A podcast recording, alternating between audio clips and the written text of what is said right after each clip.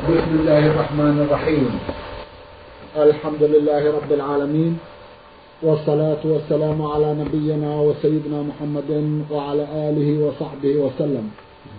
مستمعي الكرام السلام عليكم ورحمة الله وبركاته. وأسعد الله أوقاتكم بكل خير. هذه حلقة جديدة مع رسائلكم في برنامج نور على الدرب.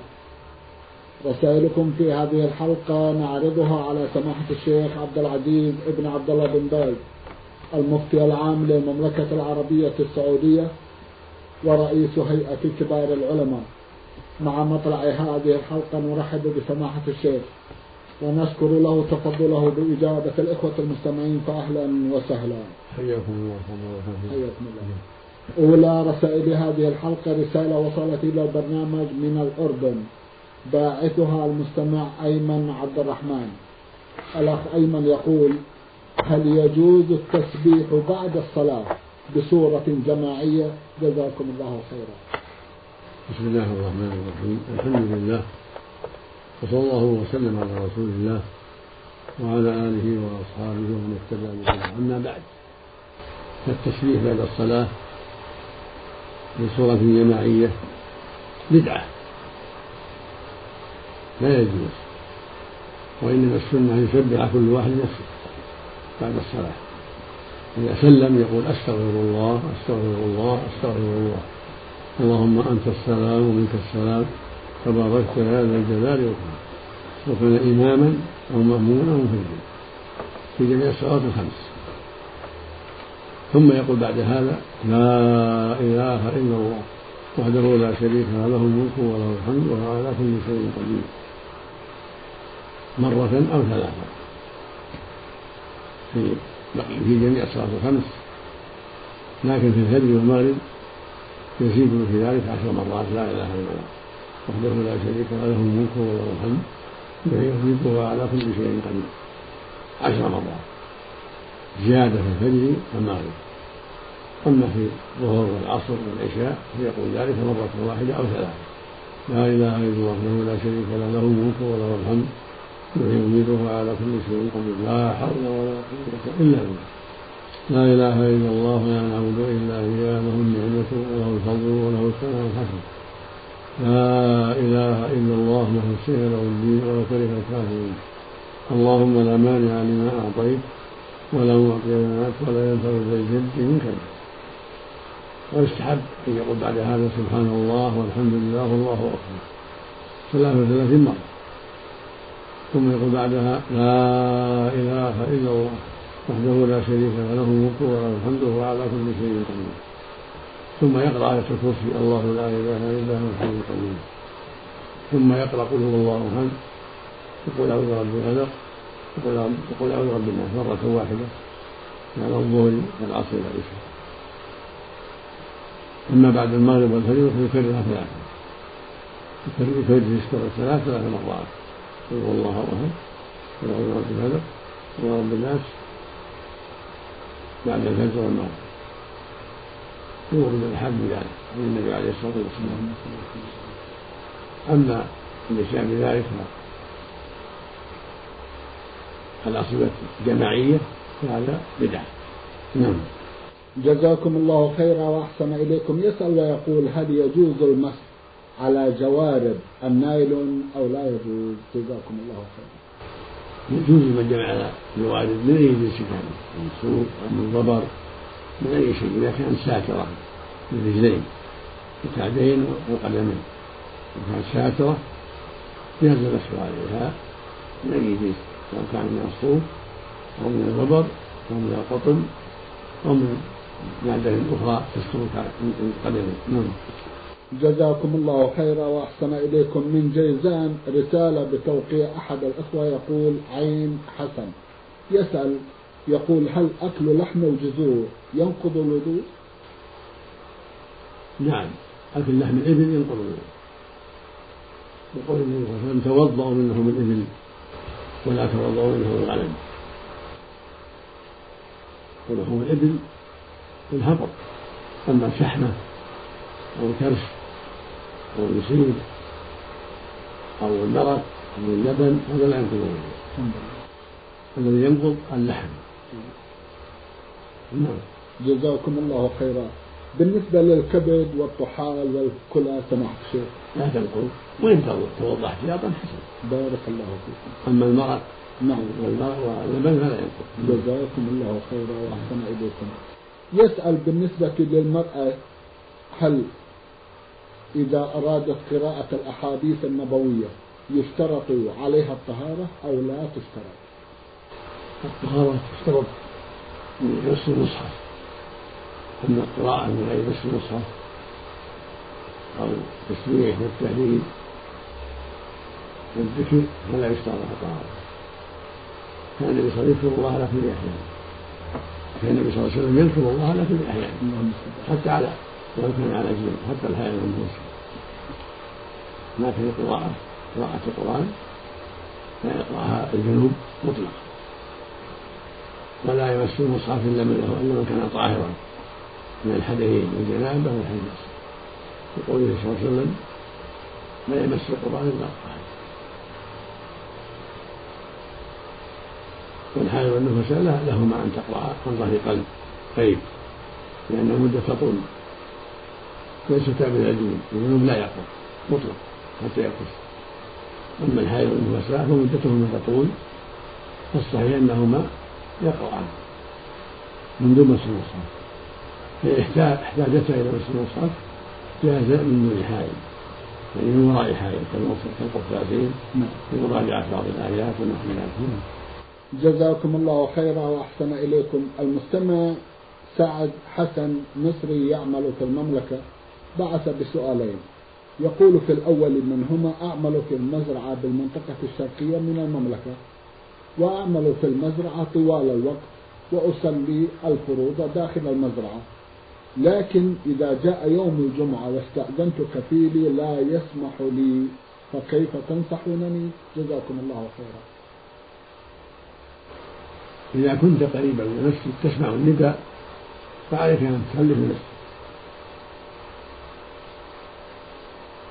أما إذا كنت بعيدا لا تسمع النداء فلا حرج تصلي في المسجد يقول النبي صلى الله عليه وسلم من سمع النداء فلم يأتي فلا صلاة له إلا من عذر.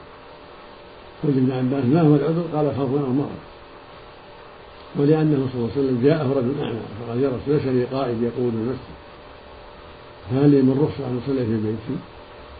فقال له النبي صلى الله عليه وسلم هل تسمع النداء بالصلاة قال نعم قال فأجل هذا أعمى ليس له قائد ومع هذا أمره النبي أن يجيب لا يحضر في الجماعة. هكذا العمال في المزارع وفي التعمير وفي غير ذلك يلزمهم أن يصلوا في الجماعة في المساجد. إذا كانوا قريبا من المسجد يسمعون النداء. والا صلوا في محلهم جماعة نعم. جزاكم الله خيرا.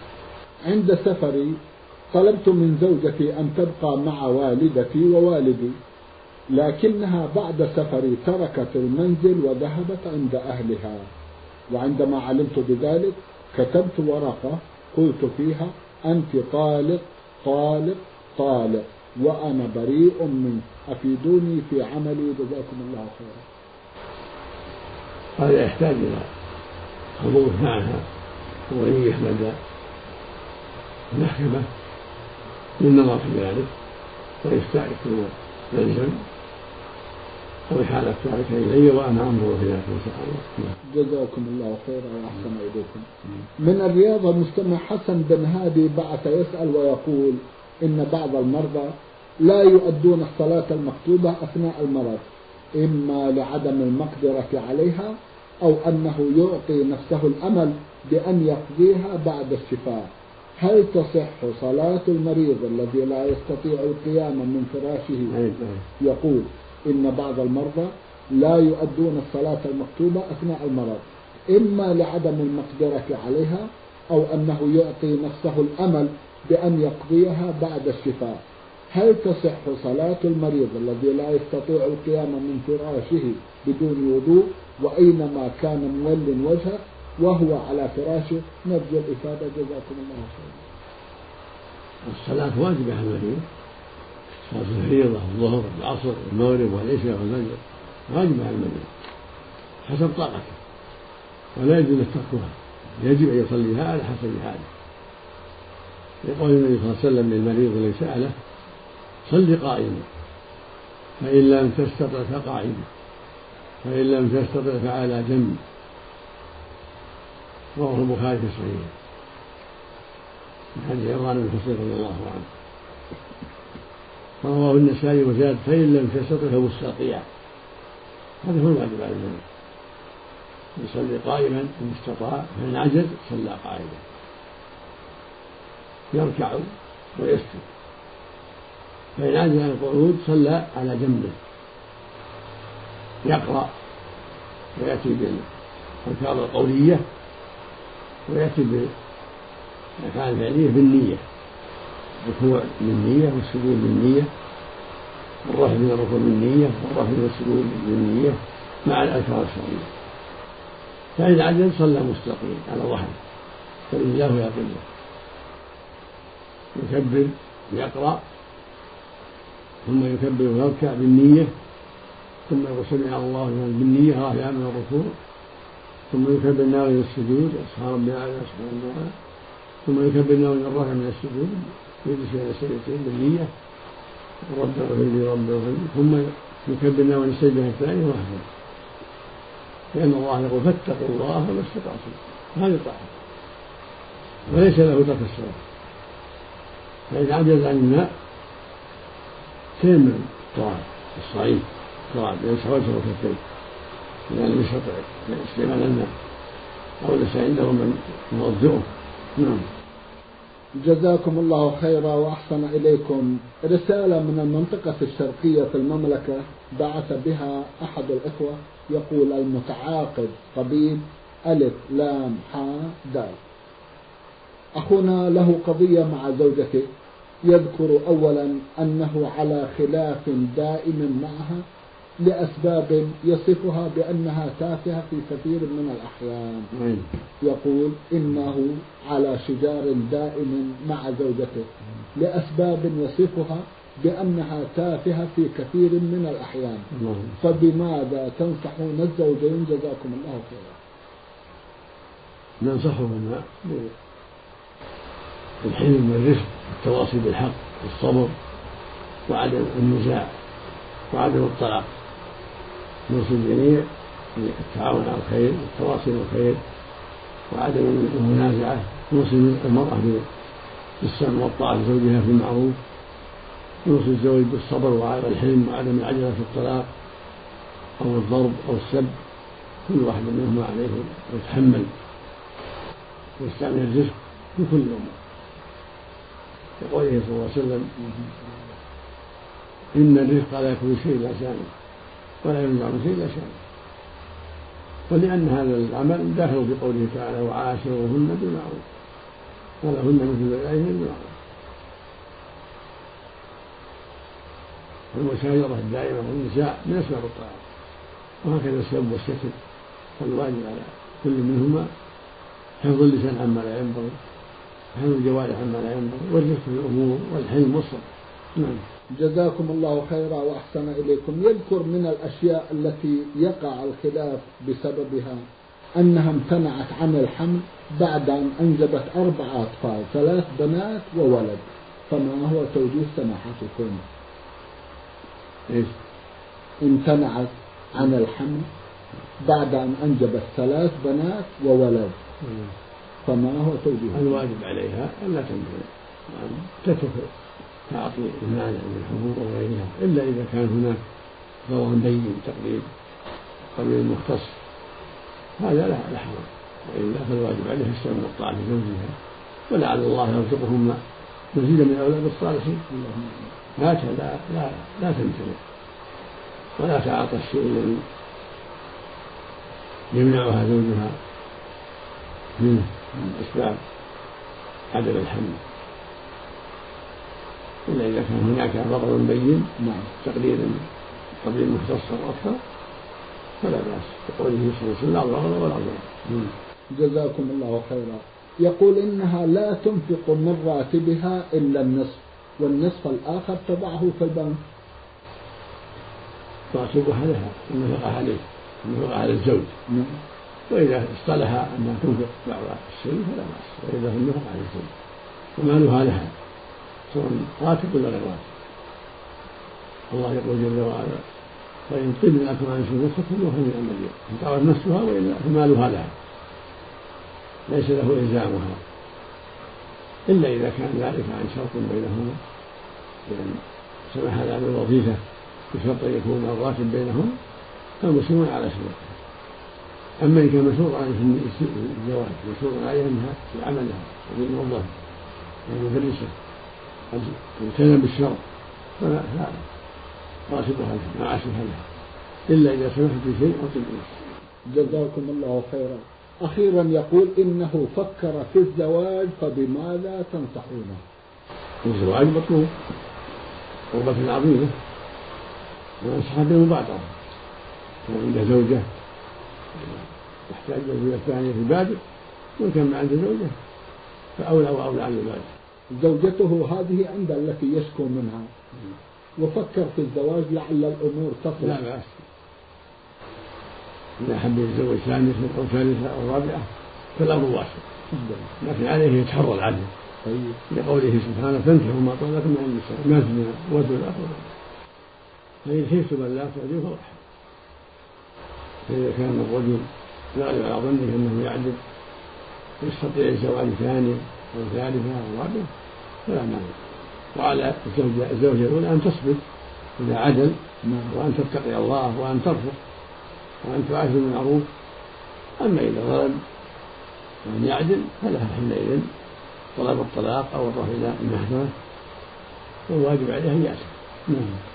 جزاكم الله خيرا وأحسن إليكم. من المستمع عبد الرحمن علي رسالة يقول في أحد أسئلته من المعروف أن هناك بعض الأدعية والأذكار من القرآن والسنة يقولها الإنسان في بعض الأوقات كالصبح والمغرب وعند النوم وكآية الكرسي والآيات في آخر سورة البقرة وأدعية الصباح والمساء. ثم يقول هل يجوز للإنسان من المعروف إيه. أن هناك بعض الأدعية والأذكار من القرآن والسنة؟ يقولها الإنسان في بعض الأوقات. مثل وقت الصبح والمغرب وعند النوم كآية الكرسي والآيات من آخر سورة البقرة وأدعية الصباح والمساء. وحينئذ يسأل هل يجوز للإنسان أن يقرأها بقلبه دون الجهر بها أم لا بد من الجهر؟ السنة يقرأها بقلبه ولسانه يقرأها باللسان مع حضور القلب والخشوع والرغبة فيما عند الله عز وجل. لا من مجرد القلب. نعم. جزاكم الله خيرا. يسأل سماحتكم يحفظكم الله ويقول ما حكم جلوس الإخوان مع زوجاتهم سواء في مجلس واحد حيث تكون النساء متسترات؟ وما حكم كشف الوجه؟ ما حكم جلوس الأخوان مع زوجاتهم في مجلس واحد والنساء متسترات؟ وما حكم كشف الوجه؟ لا حرج إذا جلس في إذا جلس الجميع في مجلس واحد وزوجاتهم متسترات فلا حرج أو جلس معهم بعض أقاربهم غير المحارم بنات العم أو زوجات الإخوة أو بعض الجيران للسؤال أو البحث في أشياء أو زيارة خاصة مع التستر فلا حرج في ذلك.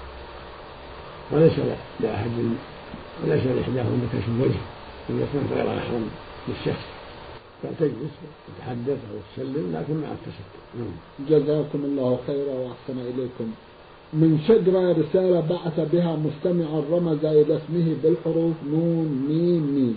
يقول أنا طالب في إحدى المدارس وأرى زملائي هدانا الله وإياهم يقومون بالغش في الاختبار. وحينئذ هل يلزمني إنكار هذا المنكر أو بماذا توجهونني؟ علما بأني أخشى منهم. لا يجوز الغش الاختبار هذا خيانة. والواجب نصيحتهم وتحذيرهم من هذا العمل. لأن المؤمن أخو المؤمن والمسلم أخو المسلم والله جل وعلا يقول يا أيها الذين آمنوا لا تخونوا الله والرسول وتخونوا أماناتكم وأنتم تعلمون ويقول سبحانه إن الله يأمركم أن تؤدوا الأمانات إلى أهلها. ويقول عز وجل في وصف المؤمنين والذين هم لأماناتهم وعهدهم راعون.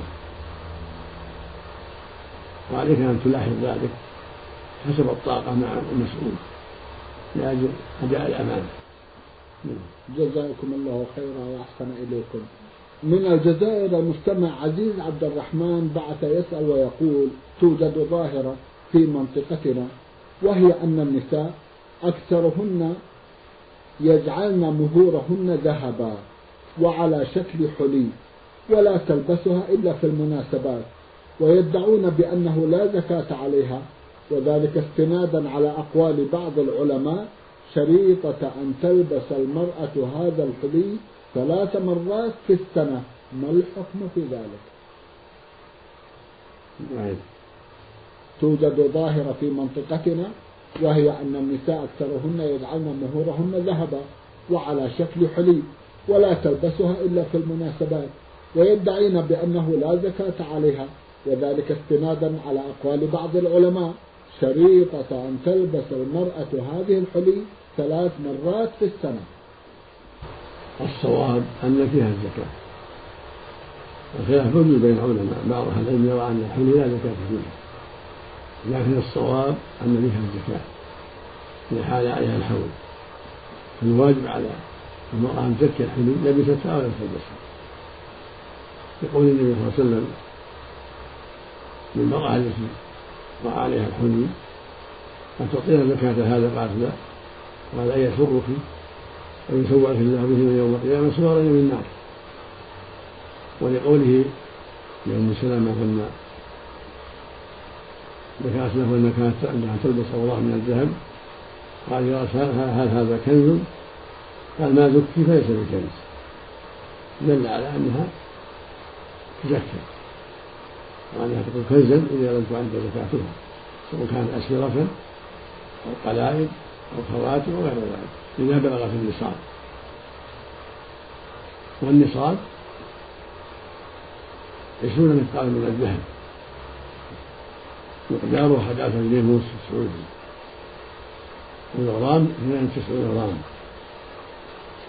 والفضة مئة وأربعون مثقالا مئة وأربعون مثقالا الفضة مقدارها بالريال السعودي الفضي ستة وخمسون ريال هذا أقل نصاب فالواجب على من عنده حلي من الذهب والفضة رجل كان الله أن يزكي إذا بلغ النصاب الذكر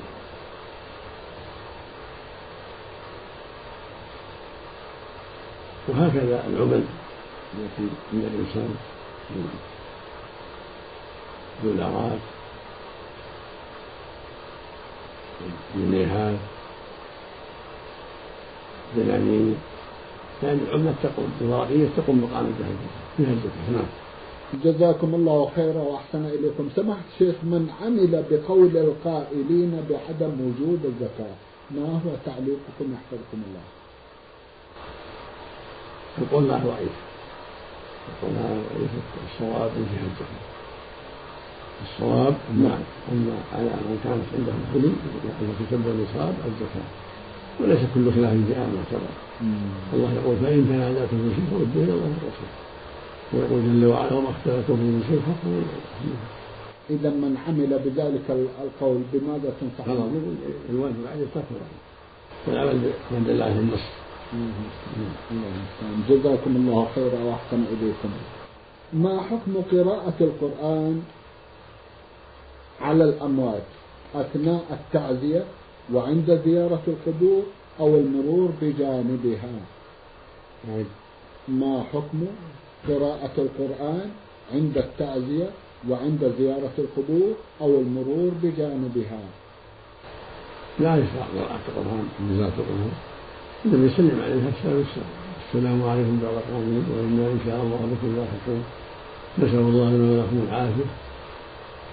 هكذا يسلم عليه اللهم اغفر لهم وارحمهم السلام عليكم أهل الديار والمسلمين وإنا إن شاء الله لاحقون هكذا علم النبي اصحابه اللهم صل كان يعلمه يقول زاروا القبور ان يقول السلام عليكم أهل الديار من المؤمنين والمسلمين وأنا ان شاء الله بكم نسأل الله لنا ولكم العافية في رواية قال يرحم الله المستقبلين منا والمستأخرين أما عند التعزية يعظهم ويذكرهم مثل الآية الكريمة وبشر الصابرين من يأخذ الصبر إنا لله وإنا إليه راجعون هذا لا بأس. عند المصائب يذكر الآيات فيها الصبر نعم. يذكر الناس من باب النصيحة. لا بأس. هذا مشكور. يعزيهم ويدعو لهم ويذكرهم بالآيات والأحاديث التي فيها الحث على الصبر. نعم. جزاكم الله خيرا. في إحدى القرى في منطقتنا قام أهل القرية بذبح فرس. ووزعوا لحمه على أهل القرية بدعوى أنه مباح شرعا.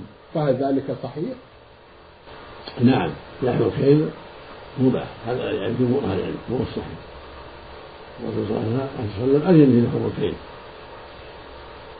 وقد تسمع بنت بكر رضي الله عنهما انهم نحروا فرسا على عهد النبي صلى الله عليه وسلم في المدينة واكلوه والمقصود أن لحم الخيل مباح. هذا هو الصواب. الذي أهل العلم. نعم. جزاكم الله خيرا. تنحر كالإبل أو تذبح كالبقر. تذبح كالبقر تذبح كالبقر. جزاكم الله خيرا. بخلاف الدغاب الحميد لا. نعم. الدغاب الحميد نعم. هذه محرمة. طيب. محرمه الحمر الأهلية المعروفه نعم. هذه محرمة. أما الخيل فإنها مباحة. الرسول نهى عن الحمر والدغاب نعم. وهذه محرمه جزاكم الله خيرا وأحسن إليكم. سماحة الشيخ في ختام هذا اللقاء أتوجه لكم بالشكر الجزيل بعد شكر الله سبحانه وتعالى على تفضلكم بإجابة الإخوة المستمعين وآمل أن يتجدد اللقاء وأنتم على خير. نرجو ذلك مستمعي الكرام كان لقاؤنا في هذه الحلقة مع سماحة الشيخ عبد العزيز ابن عبد الله بن باز المفتي العام للمملكة العربية السعودية ورئيس هيئة كبار العلماء. شكرا لسماحة الشيخ. وأنتم يا مستمعي الكرام شكرا لحسن متابعتكم. ونحن نرحب برسائلكم على عنوان البرنامج. المملكة العربية السعودية الرياض الإذاعة برنامج نور على الدرب. مرة أخرى شكرا لكم مستمعي الكرام ولكم تحية من زميلي البخيت أحمد الدوسري مهندس الإذاعة الخارجية وسلام الله عليكم ورحمته وبركاته.